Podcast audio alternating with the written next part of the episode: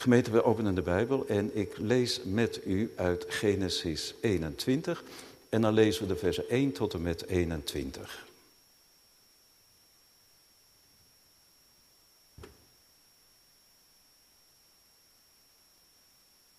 De Heere nu zag om naar Sarah, zoals hij gezegd had. De Heere deed bij Sarah zoals hij gesproken had. Sarah werd zwanger en baarde Abram een zoon in zijn ouderdom op de vastgestelde tijd die God hem genoemd had. Abraham gaf zijn zoon, die hem geboren was, die Sarah hem gebaard had, de naam Isaac. En Abraham besneed zijn zoon Isaac toen hij acht dagen oud was, was God hem geboden had. Abraham was honderd jaar oud toen zijn zoon Isaac hem geboren werd. Sarah zei, God heeft mij doen lachen. Ieder die het hoort zal met mij meelachen. Verder zei ze, wie zou Abraham hebben durven zeggen, Sarah heeft zonen de borst gegeven? Voorzeker, ik heb een zoon gebaat in zijn ouderdom. Het kind werd groot en werd van de borst genomen. Op de dag dat Isaac van de borst af was, richtte Abraham een grote maaltijd aan. En Sarah zag dat de zoon die Hagar, de Egyptische Abraham, gebaard had, aan het spotlachen was. Toen zei ze tegen Abraham, jaag deze slavin en haar zoon weg. Want de zoon van deze slavin zal niet met mijn zoon, met Isaac, erven. Deze woorden waren volstrekt kwalijk in de ogen van Abraham vanwege zijn zoon. Maar God zei tegen Abraham, laat deze zaak met betrekking tot de jongen en uw slavin niet kwalijk zijn in uw ogen. Bij alles wat Sarah u zegt, luister naar haar stem. Want alleen het nageslacht van Isaac zal uw nageslacht genoemd worden. Maar ik zal ook de zoon van deze slavin tot een volk maken, omdat hij uw nageslacht is. Toen stond Abrahams morgens vroeg op, nam brood en een zak water, gaf die aan Hagar en legde die op haar schouder. Hij gaf er ook het kind en stuurde haar weg. Ze ging op weg en dwaalde rond in de woestijn van Beersheba. Toen het water uit de zak op was, wierp ze het kind onder een van de struiken. Ze ging op een afstand zitten, zover als men met een boog kan schieten, want ze zei, laat ik het kind niet zien sterven. Terwijl ze op een afstand zat, begon ze te huilen. Toen hoorde God de stem van de jongen. En de engel van God riep tot Hagar vanuit de hemel en zei tegen haar, wat is er met u Hagar? Wees niet bevreesd, want God heeft naar de stem van de jongen die daar ligt geluisterd. Sta op, til de jongen overeind en houd hem met uw hand goed vast, want ik zal hem tot een groot volk maken.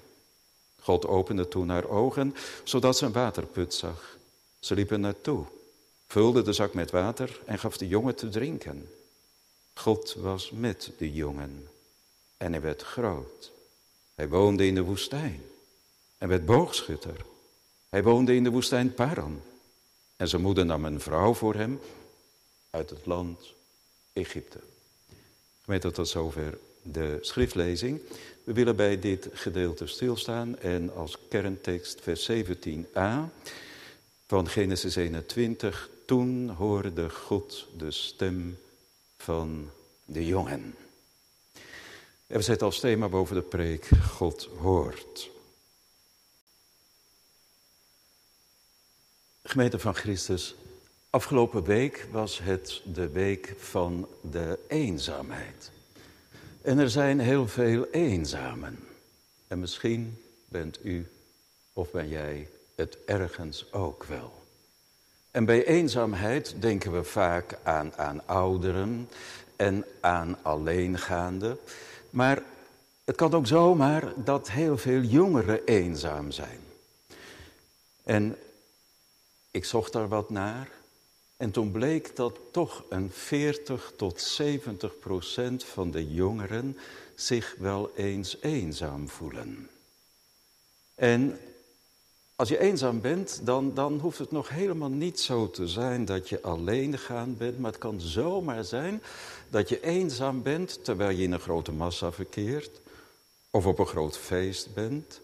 Of misschien wel lid bent van een gezin van negen. En je kunt ook eenzaam zijn in je huwelijk. Het kan allemaal. In ons tekstgedeelte gaat het ook over iemand die eenzaam is. Het is een jongen een puber. En hij is niet alleengaand. Nee, hij, hij woont in ja, het modelgezin van die tijd, zou je kunnen zeggen. Het gezin dat een voorbeeld was. Het gezin van de vader der gelovigen van Abraham. En het is Abrahams oudste zoon. En ja, wij hebben altijd het idee dat gezin van Abraham, daar is ook altijd alles koek en ei. En, en ja, achter de tendeur is dat natuurlijk ook wel zo. Uh, voor de tendeur, maar als je daar nou achter zou kijken, dan, dan zie je toch ook dat de praktijk wel weer barstig is. En dan denk ik vooral aan, aan die oudste jongen. Je bent puber, jongelui, je moet je voorstellen, je bent puber. En bij jullie thuis zijn er twee kinderen en alle aandacht gaat uit naar je jonge broertje. En eigenlijk is er zo ongeveer niemand die aandacht, echt aandacht voor jou heeft. En dan laat je dat een keer merken, dat je dat dus echt niet leuk vindt. En dan word je het huis uitgestuurd en dat overkwam Ismaël. En ik verwacht niet dat dat aan zijn vader gelegen zal hebben, maar vooral aan zijn stiefmoeder, zeg maar, aan Sarah. Gemeente, deze Ismaël was op een wonderlijke manier ter wereld gekomen en Abraham en Sarah konden geen kinderen krijgen, terwijl de Heer aan Abraham beloofd had dat hij een heel groot nageslacht zou krijgen, zoveel als de sterren aan de hemel. En, in vertrouwen op die belofte van God zijn ze toen op weg gegaan. En, en die belofte zal ook Sarah over de streep hebben getrokken, want ja, dat betekende alles voor haar kinderen. In die tijd vooral. Want anders stelde je niet mee. En die belofte van God, dan, dan wil ze wel mee. Ook al weet ze helemaal niet waar naartoe, maar God zal het land wijzen en dan komen ze daar en dan denken ze, nu gaat het gebeuren. Nu word ik zwanger en, en komen er kinderen en wat gebeurt er? Er komt hongersnood, ze moeten uitwijken naar Egypte en de jaren gaan door en door en op een gegeven moment, en dat is natuurlijk de angst van, van vrouwen die heel graag kinderen willen, dat op een gegeven moment de tijd aanbreekt dat het gewoon niet meer kan. En dat is ook hier het geval. En dan dat plan van Sarah om een draagmoeder te nemen. Dat kwam wel meer voor in die tijd. Dat, dat er een draagmoeder aan te pas kwam, die dan het kind voor jou droeg. En, en dan moest dat, dat kind op jouw schoot worden geboren, in dit geval van Sarah. En dan mocht Sarah dat kind beschouwen als haar kind. En een draagmoeder was snel gevonden in dat gezin, want dat was Hagar natuurlijk, de slavin die destijds meegekomen was uit Egypte toen Abraham en Sarah daar geweest waren vanwege de hongersnood. En dan staat er in de Statenvertaling eh, letterlijk eh, wat er in, eh, in het Hebreeuws staat, dat, dat Sarah dan zegt, misschien zal ik uit haar gebouwd worden dat woord, gebouwd. Dat is hetzelfde woord als, als wat er staat in Genesis 11. En, en daar gaat het over, kom, laten we voor onszelf een toren bouwen. Een menselijk bouwwerk om, om zelfs bij God in de hemel te kunnen kijken. Een menselijk bouwwerk. Menselijk vermogen. En wat zegt God dan? Via de dichter van Psalm 127, als de Heere het huis niet bouwt, te vergeefs arbeiden de bouwlieden daaraan. Gemeente, het is allemaal zo herkenbaar. God een handje helpen. Ons niet onvoorwaardelijk aan hem toevertrouwen. Ik snap het ook wel een beetje.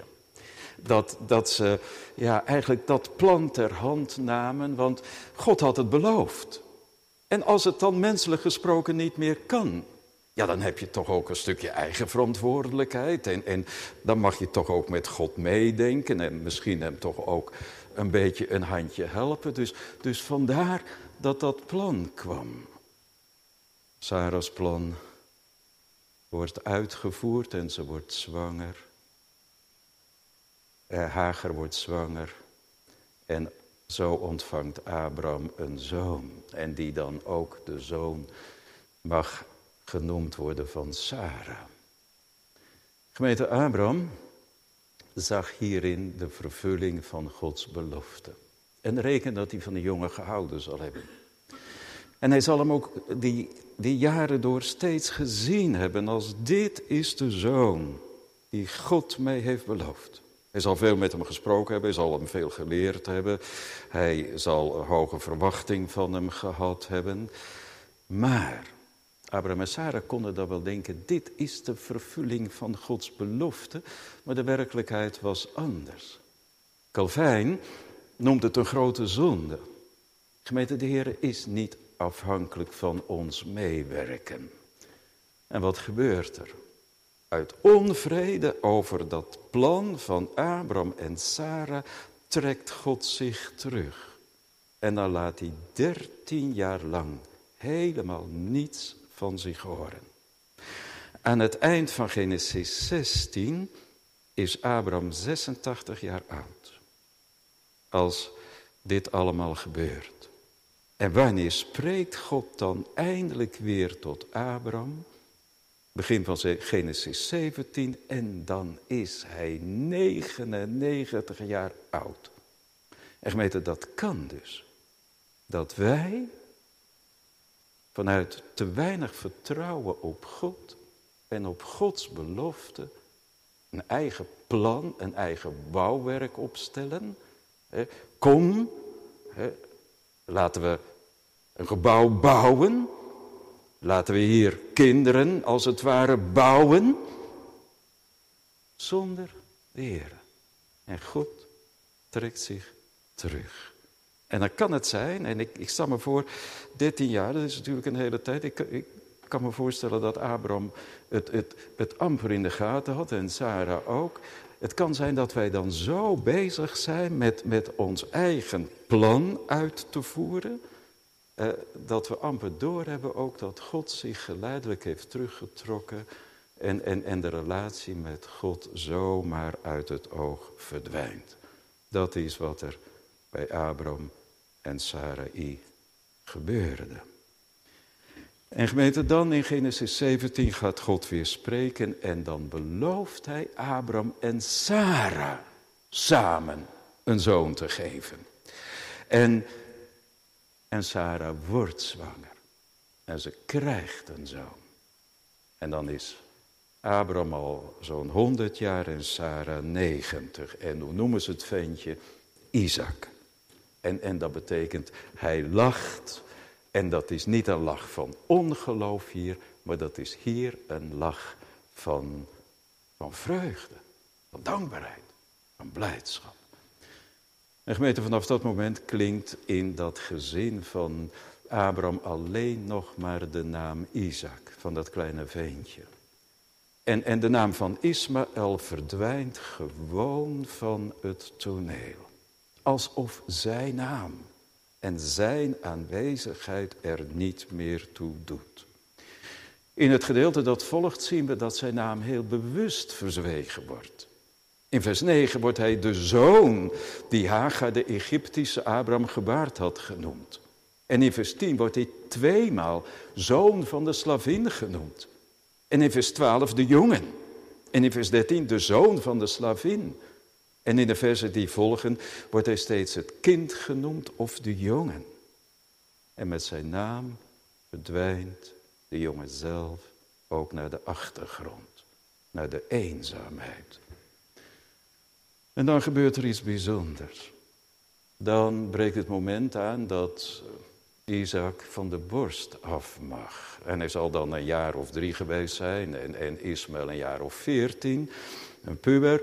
En ter ere van dat heugelijke feit, ja, wij, wij vragen ons dan af, is dat zoiets bijzonders? Maar goed, Abraham en Sari vonden dat heel bijzonder. En, en Abraham organiseert een heel groot feest ter ere van dit gebeuren. En dan zie je parallellen ineens opdoemen tussen dit feest, wat daar georganiseerd gaat worden en plaatsvindt en een ander feest in het Nieuwe Testament. Van die andere vader, die een feest organiseert voor de jongste zoon. Ook daar voor de jongste zoon. En bij beide, ook in die gelijkenis van die verloren zoon, Lucas 15, daar zie je bij allebei dat de jongste roet in het eten gooit. Zo ook hier. Want wat gebeurt? Als het feest volop aan de gang is, dan, dan ziet ineens Sarah, die volop geniet, ineens die blik, die spottende blik in de ogen van die puber, van Ismaël.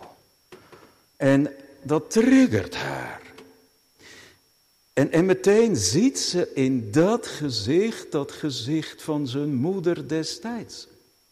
Toen Hagar in verwachting was. En toen Hagar zo vanuit de hoogte kon neerkijken op Sarah. En dat had er zoveel pijn gedaan. En nu die blik van die zoon. En meteen flitsen door haar heen. Die zoon die gaat misschien wel erven met mijn zoon, met Isaac. En dat nooit. En dan ja, dan, dan blijft er maar één ding over. De jaloezie is zo groot dat dat kind weg moet. Jaag de zoon en zijn moeder de slavin en haar zoon weg. Gemeente, het was wel heel menselijk wat er gebeurde. Ik zat erover door te denken en ik denk, ja stel, jij bent puber en, en dan ter ere van dat kleine ventje, hè, ik stel me zo voor dat al, al een jaar of drie alle aandacht naar dat, dat, dat yogi is uitgegaan. En ja, het is ook heel menselijk, want je ziet het toch ook bij geboortes, als, als er één kindje is en er komt een kindje bij, dat al heel snel de aandacht naar dat jongste kindje uitgaat en, en dat dat andere kindje snel vergeten, wat, wat vergeten kan worden. Maar die laat natuurlijk dan wel merken van ik ben er ook nog hè, en die gaat dan natuurlijk een beetje, ja, een, een, een beetje moeilijk zitten doen en een beetje aandacht vragen. Maar hier ook, ik, ik kan het me wel voorstellen wat Ismaël doet. Er zijn... Uh, wel heel lelijke dingen over gezegd. Over dat spotlachen van Ismaël.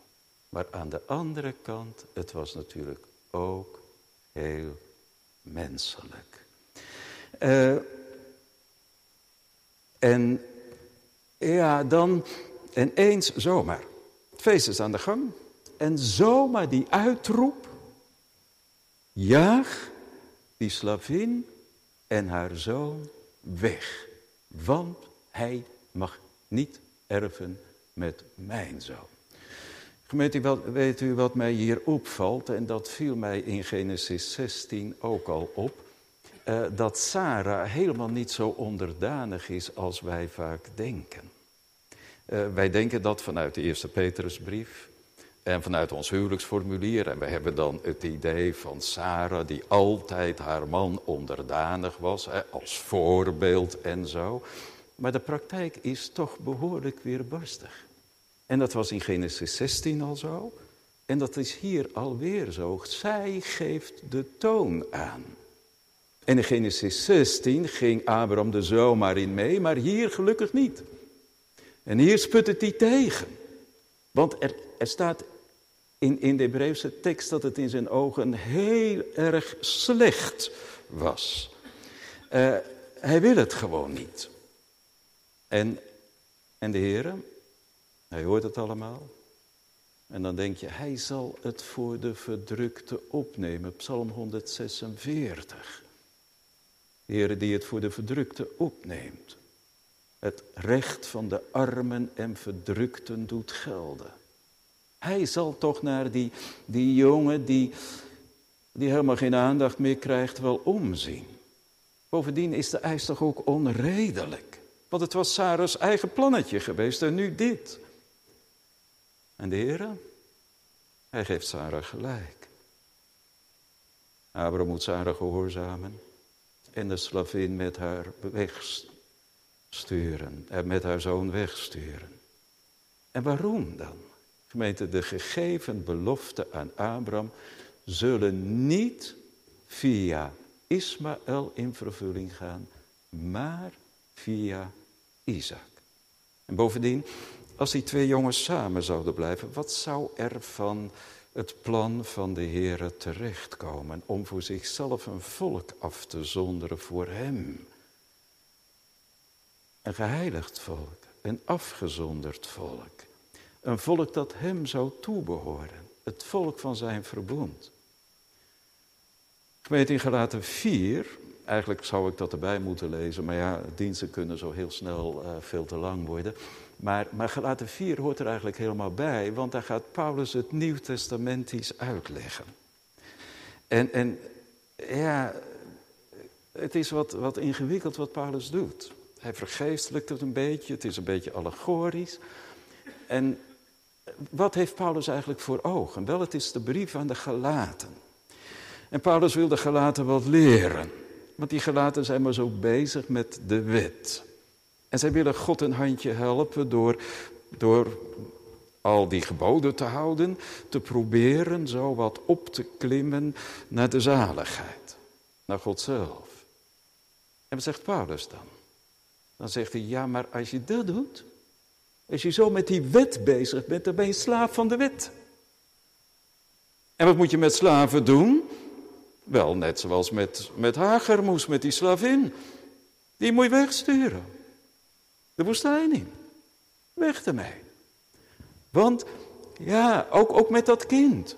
Want dat kind is ergens de oorzaak van dat plan van Abraham en Sarah om God een handje te helpen. En daar is Ismaël uit voortgekomen via Hagar, die slavin. Dus weg daarmee. Want de vrije Isaac zal niet erven met de zoon van de slavin. Gemeente, weet u wat mij sterk opvalt in dit gedeelte? En het was mij nooit eerder opgevallen, moet ik eerlijk zeggen. Uh, dat Abraham eigenlijk twee keer over een kind moest offeren. Hij had twee kinderen. In Galaten 4 staat zo heel kernachtig: Abraham had twee zonen. En beide zonen moet hij opofferen. En ik weet het, bij beide zonen grijpt God precies op tijd in. Maar dat weet Abraham dan nog niet. Maar ook Ismaël moet hij opofferen. Hij moet hem met zijn moeder gewoon wegsturen. Zijn oudste zoon, die hij steeds had gezien totdat Isaac geboren werd, als de vervulling van Gods belofte. Je moet je voorstellen, je bent vader en je hebt twee kinderen. En beide kinderen, want ook Ismaël, die was drager van mooie beloften, daar lezen we over in Genesis 16. En beide kinderen, ja, ze moeten worden weggestuurd. En dan Abraham, God zegt het, moet ze weg, hij moet de slavin en zijn zoon wegsturen. En, en Abraham is gewillig.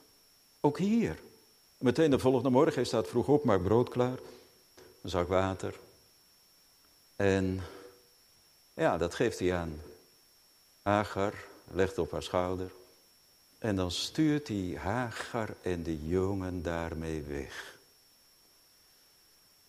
Gemeente, ik zat erover door te denken en ik snapte er helemaal niks van. Is toch onbegrijpelijk?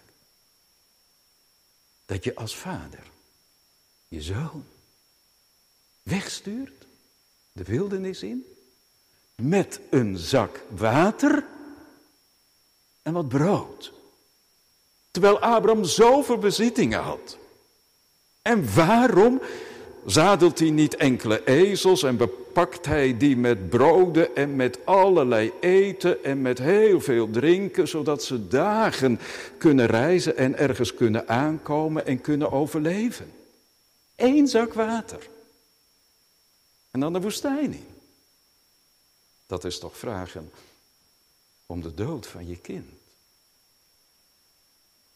Abraham, of oh, sorry, uh, heeft daar een hele mooie verklaring voor. Ik weet niet of die klopt, maar is wel mooi.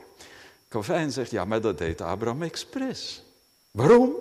Hij hoopte namelijk dat, dat Hagar en Ismaël in de buurt zouden blijven. En dat ze iedere keer weer terug zouden komen. Want dan zou hij iedere keer zijn zoon weer kunnen zien en ontmoeten. Zou kunnen. Staat er niet bij. De werkelijkheid is anders. Hagar loopt en loopt. En ze verdwalen in de woestijn. En het duurt niet lang of het water is op. En zonder water in de woestijn betekent gewoon sterven. En ik snap het, dat Hagar het niet kan aanzien dat haar zoon gaat sterven. Hoewel, ja, je kind laat je toch ook niet alleen sterven. Ismaël zal ergens versuft zijn neergevallen. En Hagar die versleept hem wat en legt hem onder een struik. En dan gaat Hagar een eind verderop zelf zitten en dan gaat ze zitten huilen, roepen. En God, ja, hij is er ook. En hij weet ervan. Twee mensen in de wildernis, in de barre eenzaamheid. En dan nog niet eens bij elkaar ook. En ze liggen op sterven, beide. En dan het roepen, het schreeuwen van Hagar. En God hoort. En wie hoort God dan? En dat is zo bijzonder in onze tekst. God hoorde de stem van de jongen. En er staat helemaal niet dat de jongen riep en toch, die jongen heeft geroepen. Die, die puber, die, ja, aandacht kon eisen en zo en op dat feest zich irritant had gedragen. Die jongen had een, een vrome opvoeding gehad van de vader der gelovigen. En hij wist het waar hij het in de nood moest zoeken. Bij de Heere zelf. Als het erop aankomt, hij wist het. Daar moet ik zijn. En de Heere, we hebben het gezongen. Hij neigt zijn oor en hij hoort die jongen roepen. En prachtig hoe hier de naam van de jongen Ismaël, want die naam betekent God hoort, werkelijkheid wordt. Van die jongen. Reken, jongelui, dat deze jongen, uh, hij wordt, wordt ook het kind genoemd, maar het, het moet een sterke, stoere vent geweest zijn. Hoe weet ik dat wel? Uit hetgeen de engel zei in Genesis 16. Toen Hagar zwanger was, toen zei de engel van de Heer tegen haar: Je bent zwanger van een zoon. En je zult hem zijn naam Ismaël geven. En hij zal een wilde ezel van een mens zijn. Nou, dat zal die in zijn puberteit ook al geweest zijn. En dan die wilde ezel, die daar in de nood zijn kracht kwijt is. En dan weet waar hij het moet zoeken. Bij de Heer. Een stoere puber.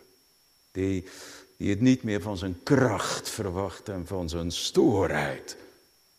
Maar van de Heer. En dan stuurt God zijn engel. Wonderlijk dat God die engel nou dan niet naar die jongen stuurt, maar naar zijn moeder. Eh, maar dan zegt hij wel van ja, maar ik heb de stem van die jongen gehoord. En wat is er Hagar? Alsof die engel dat niet weet. En dan krijgt Hagar opnieuw de belofte die ze in Genesis 16 al ontvangen had, dat ook die jongen tot een groot volk zal worden. En dan opent de Heer haar ogen en dan ziet ze, ja, ineens zomaar in de woestijn. Hoe kan het dat ze dat niet gezien heeft? Maar ja, het was er voor die tijd ook niet. Maar ineens is daar, is daar een bron. En ze ziet zomaar water opwellen uit de dorre aarde, zomaar in de woestijn. En water in de woestijn betekent leven. Ze zijn gered. Gemeente, misschien is u of jouw leven ook wel eenzaam. Misschien ervaar je het leven ook wel als een woestijn. En ja, dan, dan kan het zijn dat je ook gewoon in een gezin verkeert. Hier een moeder en een zoon. In grote nood en dan nog bij elkaar ook. Maar wat is bij allebei het mooie? In die grote nood zoeken ze het bij de Heere zelf. En Ismaël, hoe stoer en sterk het was, hij was, het was met zijn kracht gedaan. En, en hebben we dat ten diepste allemaal niet nodig? Dat, dat er een eind komt aan ons kunnen, ons weten, ons koninkrijk, eh, dat stoeren van ons om in alles van Hem te verwachten en Hem in alles nodig te hebben. Eh, gemeente, de Heere die is nog steeds dezelfde als Hij toen was. Toen hoorde Hij. En als u of jij eenzaam bent, of wat dan ook, aan het eind van je eigen krachten, het gewoon niet meer weet. God hoort. Hij neigt het oor. Wie hem aanroept in de nood, vindt zijn gunst oneindig groot. En reken dat Hagar en Ismaël er weer tegen konden. Misschien denkt iemand, ik heb net als Ismaël al zo vaak tot God geroepen. Maar mijn ervaring is zo anders. Bij mij hoort God helemaal niet altijd. Een ervaring die waarschijnlijk iedereen op de een of andere manier wel kent. Dat je om iets bidt en dat het lijkt alsof God doof is. Toch laat de Heer ons wel eens wachten. En waarom dan? Heeft hij bedoeling mee? Om ons geduld te oefenen, om ons geloof en vertrouwen te versterken, om ons des te nauwer aan Hem te verbinden. Bovendien werkt de Heer nog alles door de onmogelijkheden heen. Denk maar aan de geboorte van Isaac. Dat was toch onmogelijk. Als je al lang de overgang hebt bereikt. En iedere keer weer maakt God onze verlegenheid tot zijn gelegenheid. Bovendien laten we het altijd in de eenzaamheid bij Hem zoeken. Want ja, en dan denk ik vooral aan de Heer Jezus. Hij weet als de beste wat eenzaamheid is. En dan zie ik hem in gedachten daar hangen. En dan is hij uitgestoten door de hemel. En uitgestoten door de aarde. Hangen tussen hemel en aarde aan een vloekhout. En dan door zijn vader verlaten. Kan het erger. En dan het donker van Satan en zijn hele rijk dat losbreekt rondom hem. Eenzaamheid ten top. Als er één is die weet wat eenzaamheid is, dan is hij het.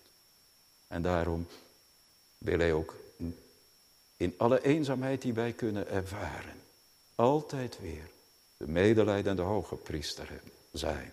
Die zegt, ik heb een weg geopend naar de troon van mijn genade. En zoek het nou altijd, wat er ook is. Ook in je zondeschuld, in je eenzaamheid, in je nood. Welke nood dan ook. Bij mij. En gemeente Ismaël heeft de diepe weg die de Heer met hem gegaan is, hem definitief bij God gebracht. We weten het niet. Wat we wel weten, dat is dat de Heer met hem was, vers 20. En dat Ismaël in de nood tot God riep en dat de Heer naar hem hoorde en naar hem omzag. En dat hij hem voorzag van drinken in de woestijn. Maar hoe het geestelijk met hem verder ging, weten we niet. We weten wel dat zijn moeder helaas voor hem een heidense vrouw uit Egypte uitzocht. We weten ook dat hij twaalf zonen kreeg en dat doet weer denken aan de twaalf stammen. dat doet weer heel sterk denken aan, aan de nakomelingen van Isaac. Uh, en ja, dan ik denk nog heel even aan die tekst uit Genesis 16. Hij zal een sterke ezel van een mens zijn, een stoere ezel van een mens. En dan staat er in Genesis 16 bij, en zijn hand zal tegen allen zijn en de hand van allen tegen hem. En dat zien we eigenlijk nog steeds. De twee broedervolken. Volk van Isaac en het volk van Ismaël. Tegenover elkaar.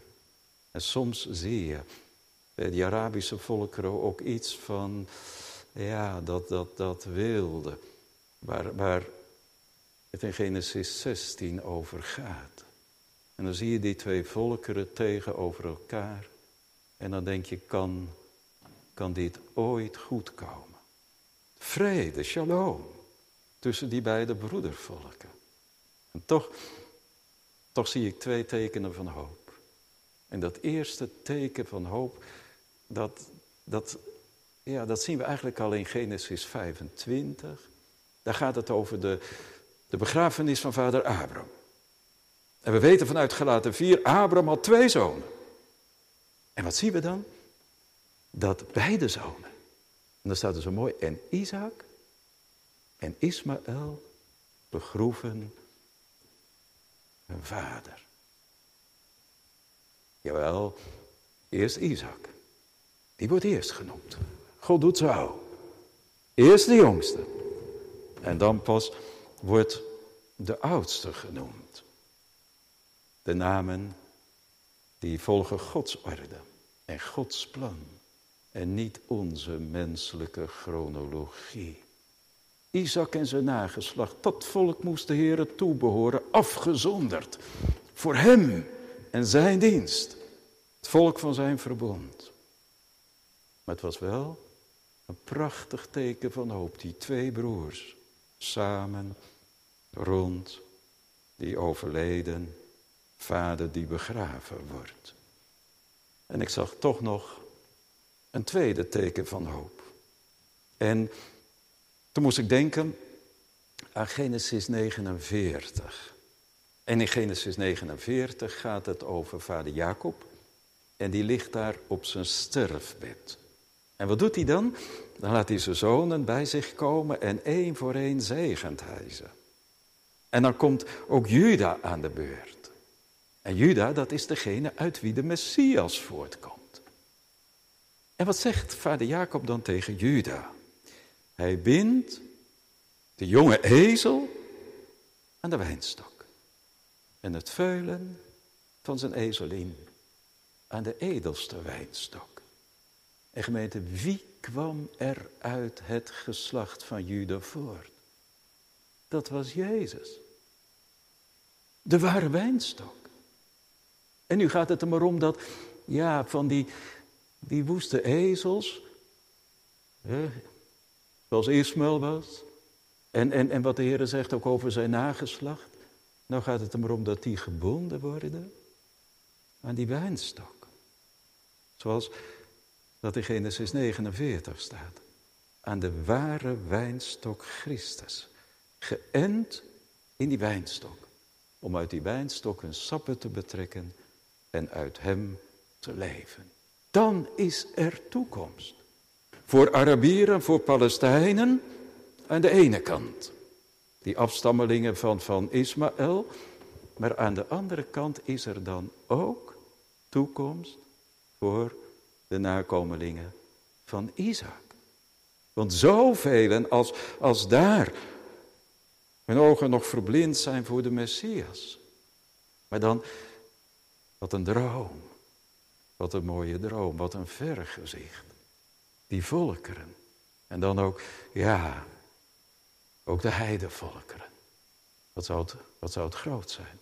Ook wij allemaal. Samen met Israël. En de Arabische volken, dat broedervolk, allemaal gebonden aan die wijnstok. Levend uit die wijnstok.